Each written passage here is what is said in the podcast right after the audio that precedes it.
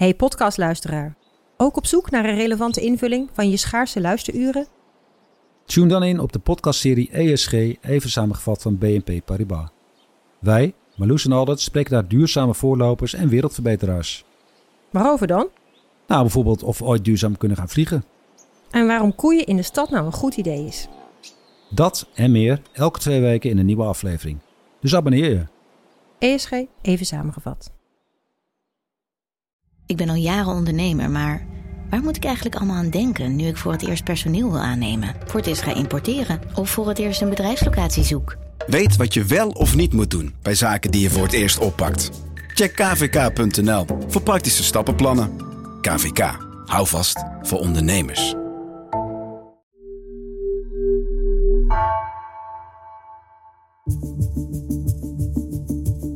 Vanaf de redactie van NRC het verhaal van vandaag. Mijn naam is Thomas Ruip.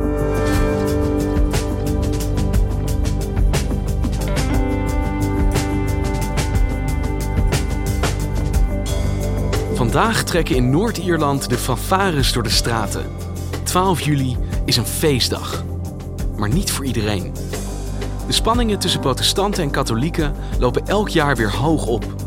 En de Brexit, vertelt buitenlandredacteur Michel Kerris, gooit dit jaar extra olie op het vuur.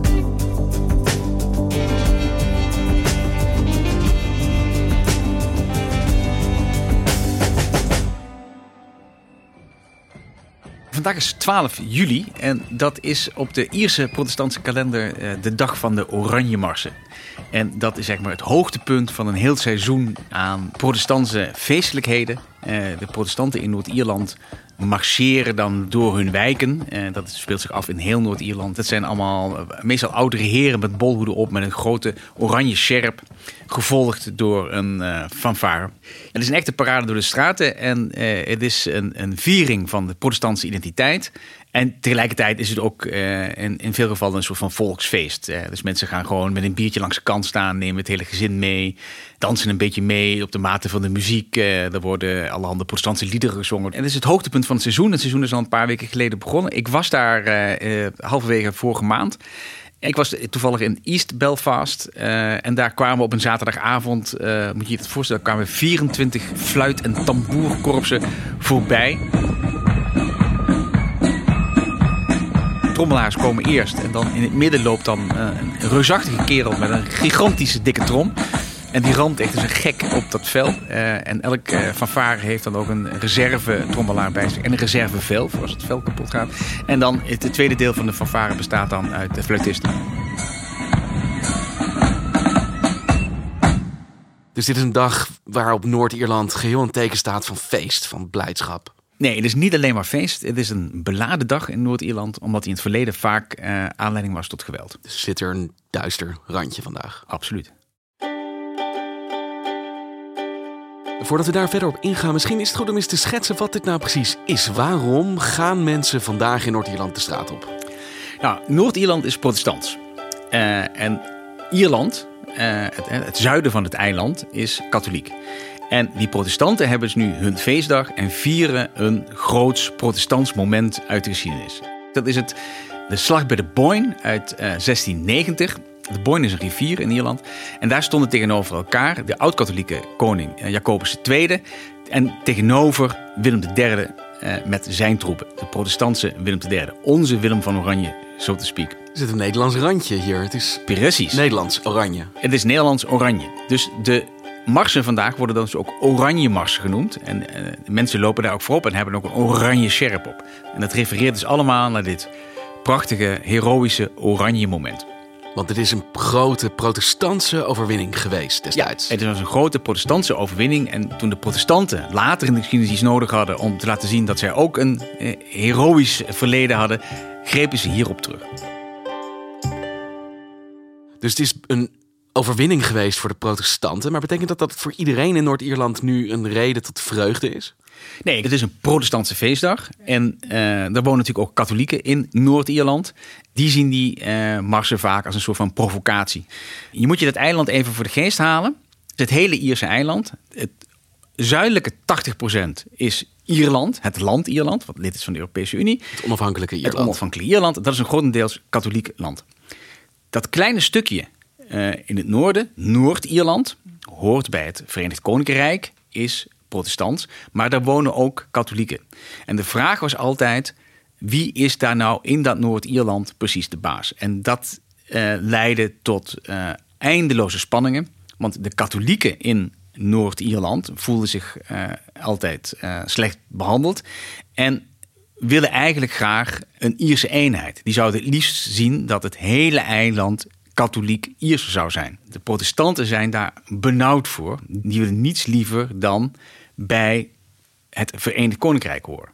Dus bij Londen hoor. Want zij vrezen katholieke overheersing op het moment dat het één Ierland is met een meerderheid katholiek. Ja, zij zeggen gewoon: kijk, onze protestantse identiteit kunnen wij alleen maar handhaven als wij bij het grotendeels protestantse Engeland aansluiten. Dus je hebt dus dat Noord-Ierland, wat dus maar een klein stukje is, zeg maar geografisch van het eiland. Bijvoorbeeld in Belfast kun je het heel goed zien, want dan zitten die mensen heel dicht op elkaar. Dus je loopt door een wijk en dan zie je meteen, ik ben op protestants grondgebied, want daar hangen overal Engelse vlaggen. En dan loop je een paar meter verder, steek je straat over en dan hangen er overal Ierse vlaggen. En dan weet je, oké, nu ben ik op katholiek grondgebied. En dan loop je die wijk weer uit en dan begint weer een protestantse wijk. Dus die mensen zitten daar boven op elkaar. Er zijn ook gewoon, om die groepen uit elkaar te houden, ook letterlijk muren gebouwd. Die dan heten dan vredesmuren. Uh, dus kilometers lang in Belfast. Uh, en er zijn ook een paar punten waar gewoon stalen poorten uh, de verbindingswegen tussen de twee buurten dan kunnen afgrendelen. Zodat je dus dan echt fysiek ook niet meer bij elkaar kunt komen. En hoe ervaren de katholieken in Noord-Ierland dan zo'n dag als vandaag? Nou ja, de, uh, er zijn heel veel katholieken die dat uh, gewoon aan zich voorbij laten gaan. Maar er zijn ook heel veel mensen die dat uh, als, een, als een duidelijke provocatie zien. En dat, het gewoon, dat gewoon irritant vinden. Dus katholieken gaan vaak ook gewoon de stad uit. en vinden het ook helemaal geen feest als die protestanten door hun wijk wandelen en dan protestantse liederen zingen. Ze ontvluchten deze dag soms. Ja, zo ontvluchten deze dag. Uh, en sommige mensen blijven binnen, andere mensen gaan uh, de stad uit. Er zijn ook speciale regels. Als de protestanten door de katholieke wijk gaan, uh, dan moeten ze zich soms ook anders gedragen. Of moeten ze wat rustiger zijn. Allemaal om te voorkomen dat de vlammende pand staan. Want dat is namelijk een beetje wat deze dag ook kenmerkt. Het is een dag waarop vaak kleine relletjes plaatsvinden, gewelddadigheden plaatsvinden. Dat het oude conflict tussen protestanten en katholieken weer wordt aangewakkerd. Ja, dat is natuurlijk één ding waar iedereen op deze dag aan terugdenkt, dat zijn de Troubles. Dit is zo'n term die ik ken, maar wat ik moet bekennen dat ik eigenlijk niet precies weet hoe dat ging in Ierland. Wat is het dan precies wat vandaag bij iedereen opkomt? Nou, de Troubles, dat is eigenlijk een samenvatting van een conflict dat 30 jaar lang zeer gewelddadig uh, gewoed heeft tussen protestanten en katholieken in Noord-Ierland. En dat is in de eind jaren 60 uh, is dat begonnen.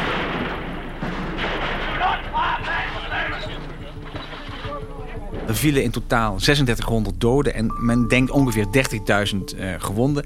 En het was een zeer gewelddadige strijd. Er werden bomaanslagen gepleegd, het was voortdurend optionaal. Het is de allerzwaarste aanslag die ooit in Noord-Ierland werd gepleegd. In het centrum van de provinciestad Alma ging vanmiddag een zware autobom af. Er zijn minstens 20 doden, meer dan 100 zwaar gewonden. En die aantallen kunnen alleen nog maar oplopen.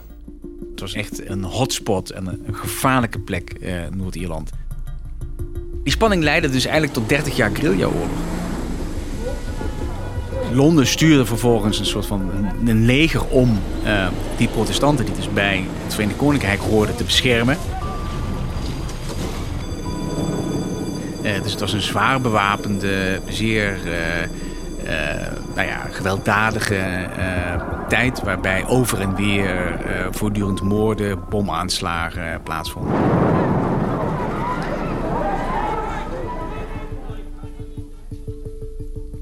Een semi-permanente burgeroorlog. Ja, dus de, uiteindelijk, eh, na heel veel pogingen, is er dus in 1998 een vredesakkoord gekomen. Uh, dat heet het Goede Vrijdagakkoord. En daarin is geregeld hoe katholieken en protestanten in Noord-Ierland uh, moeten samenleven. Hoe Noord, dat in Noord-Ierland gezamenlijk door protestanten en katholieken bestuurd moet worden. Goedenavond. De deadline van donderdag middernacht werd niet gehaald, bij lange na niet. Uren en uren was het wachten in Belfast. Maar aan het begin van de avond was het dan toch eindelijk zover. Een vredesakkoord voor Noord-Ierland. Belangrijkste afspraak: Noord-Ierland krijgt weer een eigen parlement. De provincie blijft deel van het Verenigd Koninkrijk. Maar er komt ook een speciale raad voor overleg tussen Noord-Ierland en de Ierse Republiek. En hoe is dat, dat deze twee groepen eigenlijk aan elkaar gelijmd worden in dat akkoord? Allebei de kanten hebben veel geslikt van elkaar om toch maar uh, zo'n vrede mogelijk te maken. Een groot deel uh, van de mensen die er wonen uh, willen ook absoluut niet meer terug daarna. Maar je merkt wel dat er onderhuids nog steeds veel irritatie is. Zeker nu in deze tijd van het jaar met die marsen. Dus het Goede Vrijdagakkoord heeft een einde gemaakt aan de troubles. Dus echt ja. de feitelijke handelingen die in die burgeroorlog plaatsvonden. Maar niet aan de spanningen die daar aanvankelijk al aan ten grondslag lagen. Nou, de spanningen zijn natuurlijk enorm afgenomen. Maar de twee groepen met een eigen identiteit staan nog steeds uh, zeg maar antagonistisch tegenover elkaar. En hoe zien we die troubles dan terug op een dag als vandaag, als de protestanten door de straten marcheren? Nou ja, de, de katholieken voelen zich dan dus weer uh, geprovoceerd of geïntimideerd of vinden het gewoon irritant dat de protestanten zo uitdrukkelijk hun identiteit tonen. En dat is natuurlijk in die 30 jaar van die troubles deden ze dat ook op deze manier. Dus dat, de, die muziek uh, herinnert als het ware bijna automatisch aan die uh, toch tamelijk verschrikkelijke tijd in Noord-Ierland beide kanten waren, er werden dus ook terroristische aanslagen uh, gepleegd. En er is ook een soort van paramilitaire organisaties die die strijd destijds gevoerd hebben. En dus je hebt het verboden Ierse Republikeinse leger aan de katholieke kant. En je hebt bijvoorbeeld de Ulster Volunteer Force aan de andere kant. Die clubs uh, hebben geweld officieel afgezworen, hebben wapens ingeleverd. maar bijvoorbeeld dat die Ulster Volunteer Force, dat bestaat nog steeds. En wat je dus hebt, dat je als er demonstraties zijn of bij die marsen, dan is er altijd nog uh, een soort raar paramilitair randje aan het geheel. Want hoe zie je dat? Overal zijn er nog eh, muurschilderingen waar mensen met bivakmutsen op staan. Daar uh, staat er dan ook een tekst bij van wij komen op voor uh, onze identiteit. Dat is ons volste recht. en daar staan dus dan mensen met automatische wapens in een bivakmuts naast afgebeeld. En daar paraderen die muziekkorpsen dan gewoon langs. Dus het is een dag vol muziek en drank en optochten door de straten, maar tegelijkertijd een soort cocktail van historische spanningen die ook hier samenkomt eigenlijk. Ja, en dat is altijd al een beetje uh, een explosieve situatie. Dames en heren, goedenavond. Opnieuw rellen en gewonden bij de jaarlijkse Oranje Mars in het Noord-Ierse Portadown. Protestantse demonstranten waren woedend omdat ze niet door de katholieke Gavaghi-straat mochten marcheren en probeerden over de barricades tussen de buurten te klimmen. Meer dan twintig politiemannen raakten gewond toen de protestantse oranjemannen met stenen en flessen gooiden. Maar het is dit jaar in het bijzonder uh, een gevaarlijke cocktail geworden, omdat er nog een heel gevaarlijk element bijgekomen is. En dat is de Brexit. Want welke rol speelt de Brexit dan hier? Toen het Verenigd Koninkrijk afscheid nam van de Europese Unie, moest er ergens een EU-buitengrens komen. Dus een harde grens over dat eerste eiland. Ja, en daarvan zei iedereen meteen dat moeten we niet hebben. Want tijdens die troubles was die grenslijn, daar waren heel veel grensposten en de, bij die controleposten ontstond vaak geweld. Dus wat jullie ook doen daar in Brussel en Londen, wij willen hier geen grens. Want dan is de angst dat de oude spanningen weer opnieuw tot geweld zouden leiden. Precies. Dus doe dat niet. Daar was eigenlijk iedereen het over eens. Maar ja, de Europese Unie moet een buitengrens hebben. Want uh, de Europese Unie is vooral een Europese markt. En het gaat natuurlijk om wat wordt er op die markt toegelaten en wat niet. En dat moet je natuurlijk ergens kunnen controleren. Nou, daar is een oplossing voor bedacht. Uh, namelijk door die grens in principe in de Ierse Zee te leggen. De Ierse Zee ligt tussen die twee eilanden. Dus je hebt dat kleine Ierse eiland en je hebt het Verenigd Koninkrijk. En daartussenin hebben ze nou een soort denkbeeldige uh, grens getrokken. Want goederen die vanuit Groot-Brittannië naar Noord-Ierland gaan, worden behandeld alsof ze de Europese Unie in zouden gaan. Die controles die vinden aan elke EU-buitengrens plaats. Maar die vinden dus nu gek genoeg ook plaats binnen het Verenigd Koninkrijk tussen Groot-Brittannië en Noord-Ierland. En dat is nou precies dat wat die protestantse Noord-Ieren niet kunnen hebben. Want hun hele raison d'être is: wij willen bij het Verenigd Koninkrijk horen. Dus wij willen niet apart behandeld worden. En dat is wat er dus nu gebeurt. Ze hebben een soort van uh, status aparte gekregen binnen het Verenigd Koninkrijk. Uh, en ze ergeren zich daar dus uh, groen en geel aan. en het heeft twee facetten. Het heeft een praktische kant. Want uh, heel veel goederen komen maar moeizaam binnen, omdat er zijn allemaal formulieren voor nodig en vrachtauto's moeten gecontroleerd worden en er moeten papieren ingevuld worden. En de andere kant is dus de ideologische kant van dat zij vinden dat zij anders behandeld worden dan alle andere inwoners van het Verenigd Koninkrijk. En dat willen ze niet hebben, want ze zijn dus een beetje bang dat ze dan weer richting Ierland geduwd worden.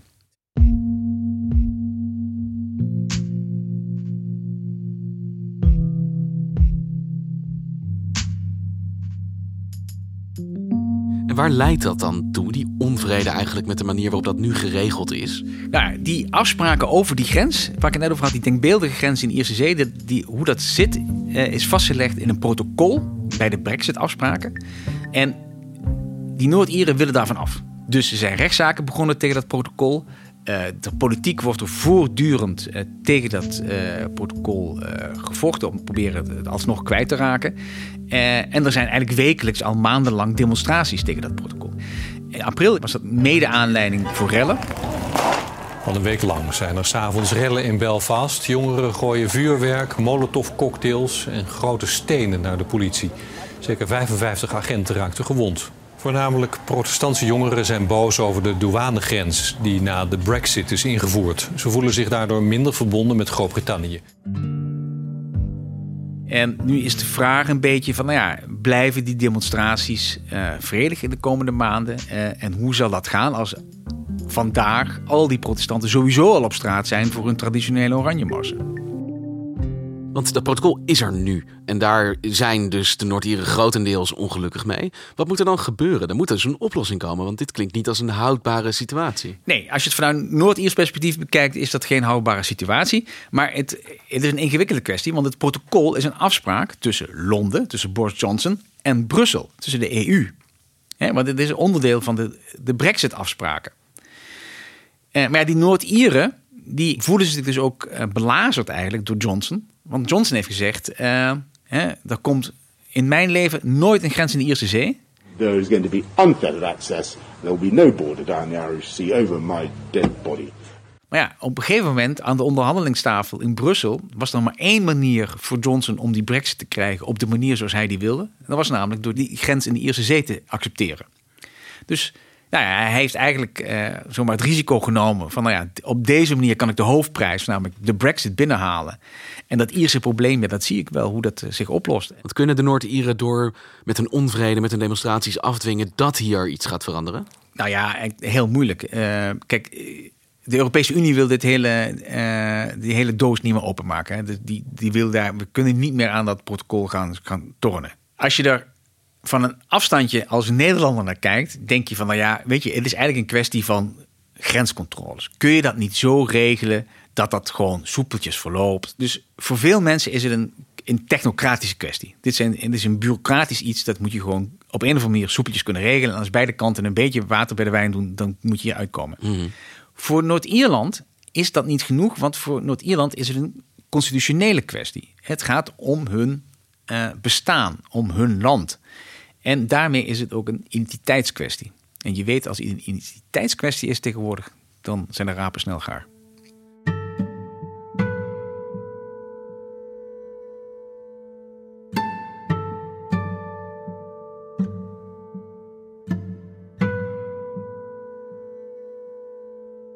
Dus je hebt zo'n viering vandaag waar al een ingewikkelde religieuze en identiteitskwestie onder ligt. En ook nog eens dan die Europese kwestie die daarbij komt. Kan het niet een soort, ja, opnieuw een explosie worden op zo'n eiland dat met zo'n getroubleerde geschiedenis heeft?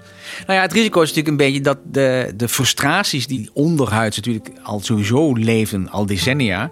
Maar dus een beetje, uh, de spanning die een beetje gedaald was, dat dat dus nu weer opleeft. En wat er dus kan gebeuren, is dat precies wat iedereen wilde voorkomen. Namelijk door die grens niet op dat Ierse eiland te leggen, maar in de Ierse zee had iedereen gehoopt dat we die zaken rustig zouden houden. En dat het geen provocatie zou kunnen zijn. En nu is er dus deze complexe oplossing gekomen en nu lijkt het toch uh, tot problemen te leiden.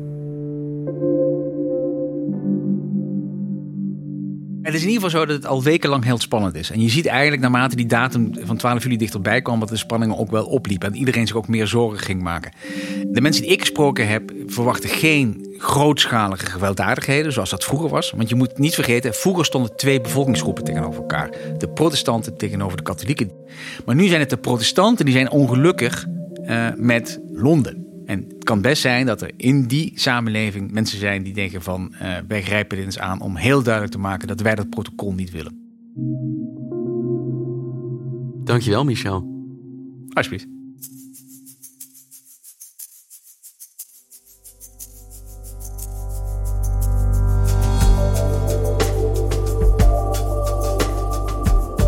Je luisterde naar vandaag, een podcast van NRC. Eén verhaal, elke dag. Deze aflevering werd gemaakt door Lis Doutsenberg en JP Geersing. Dit was vandaag. Morgen weer.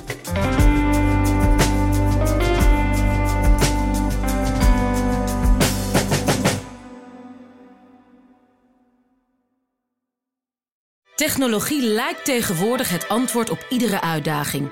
Bij PwC zien we dit anders. Als we de potentie van technologie willen benutten, kunnen we niet zonder een menselijk perspectief. Human-led, tech-powered noemen we dat. Ga naar pwc.nl.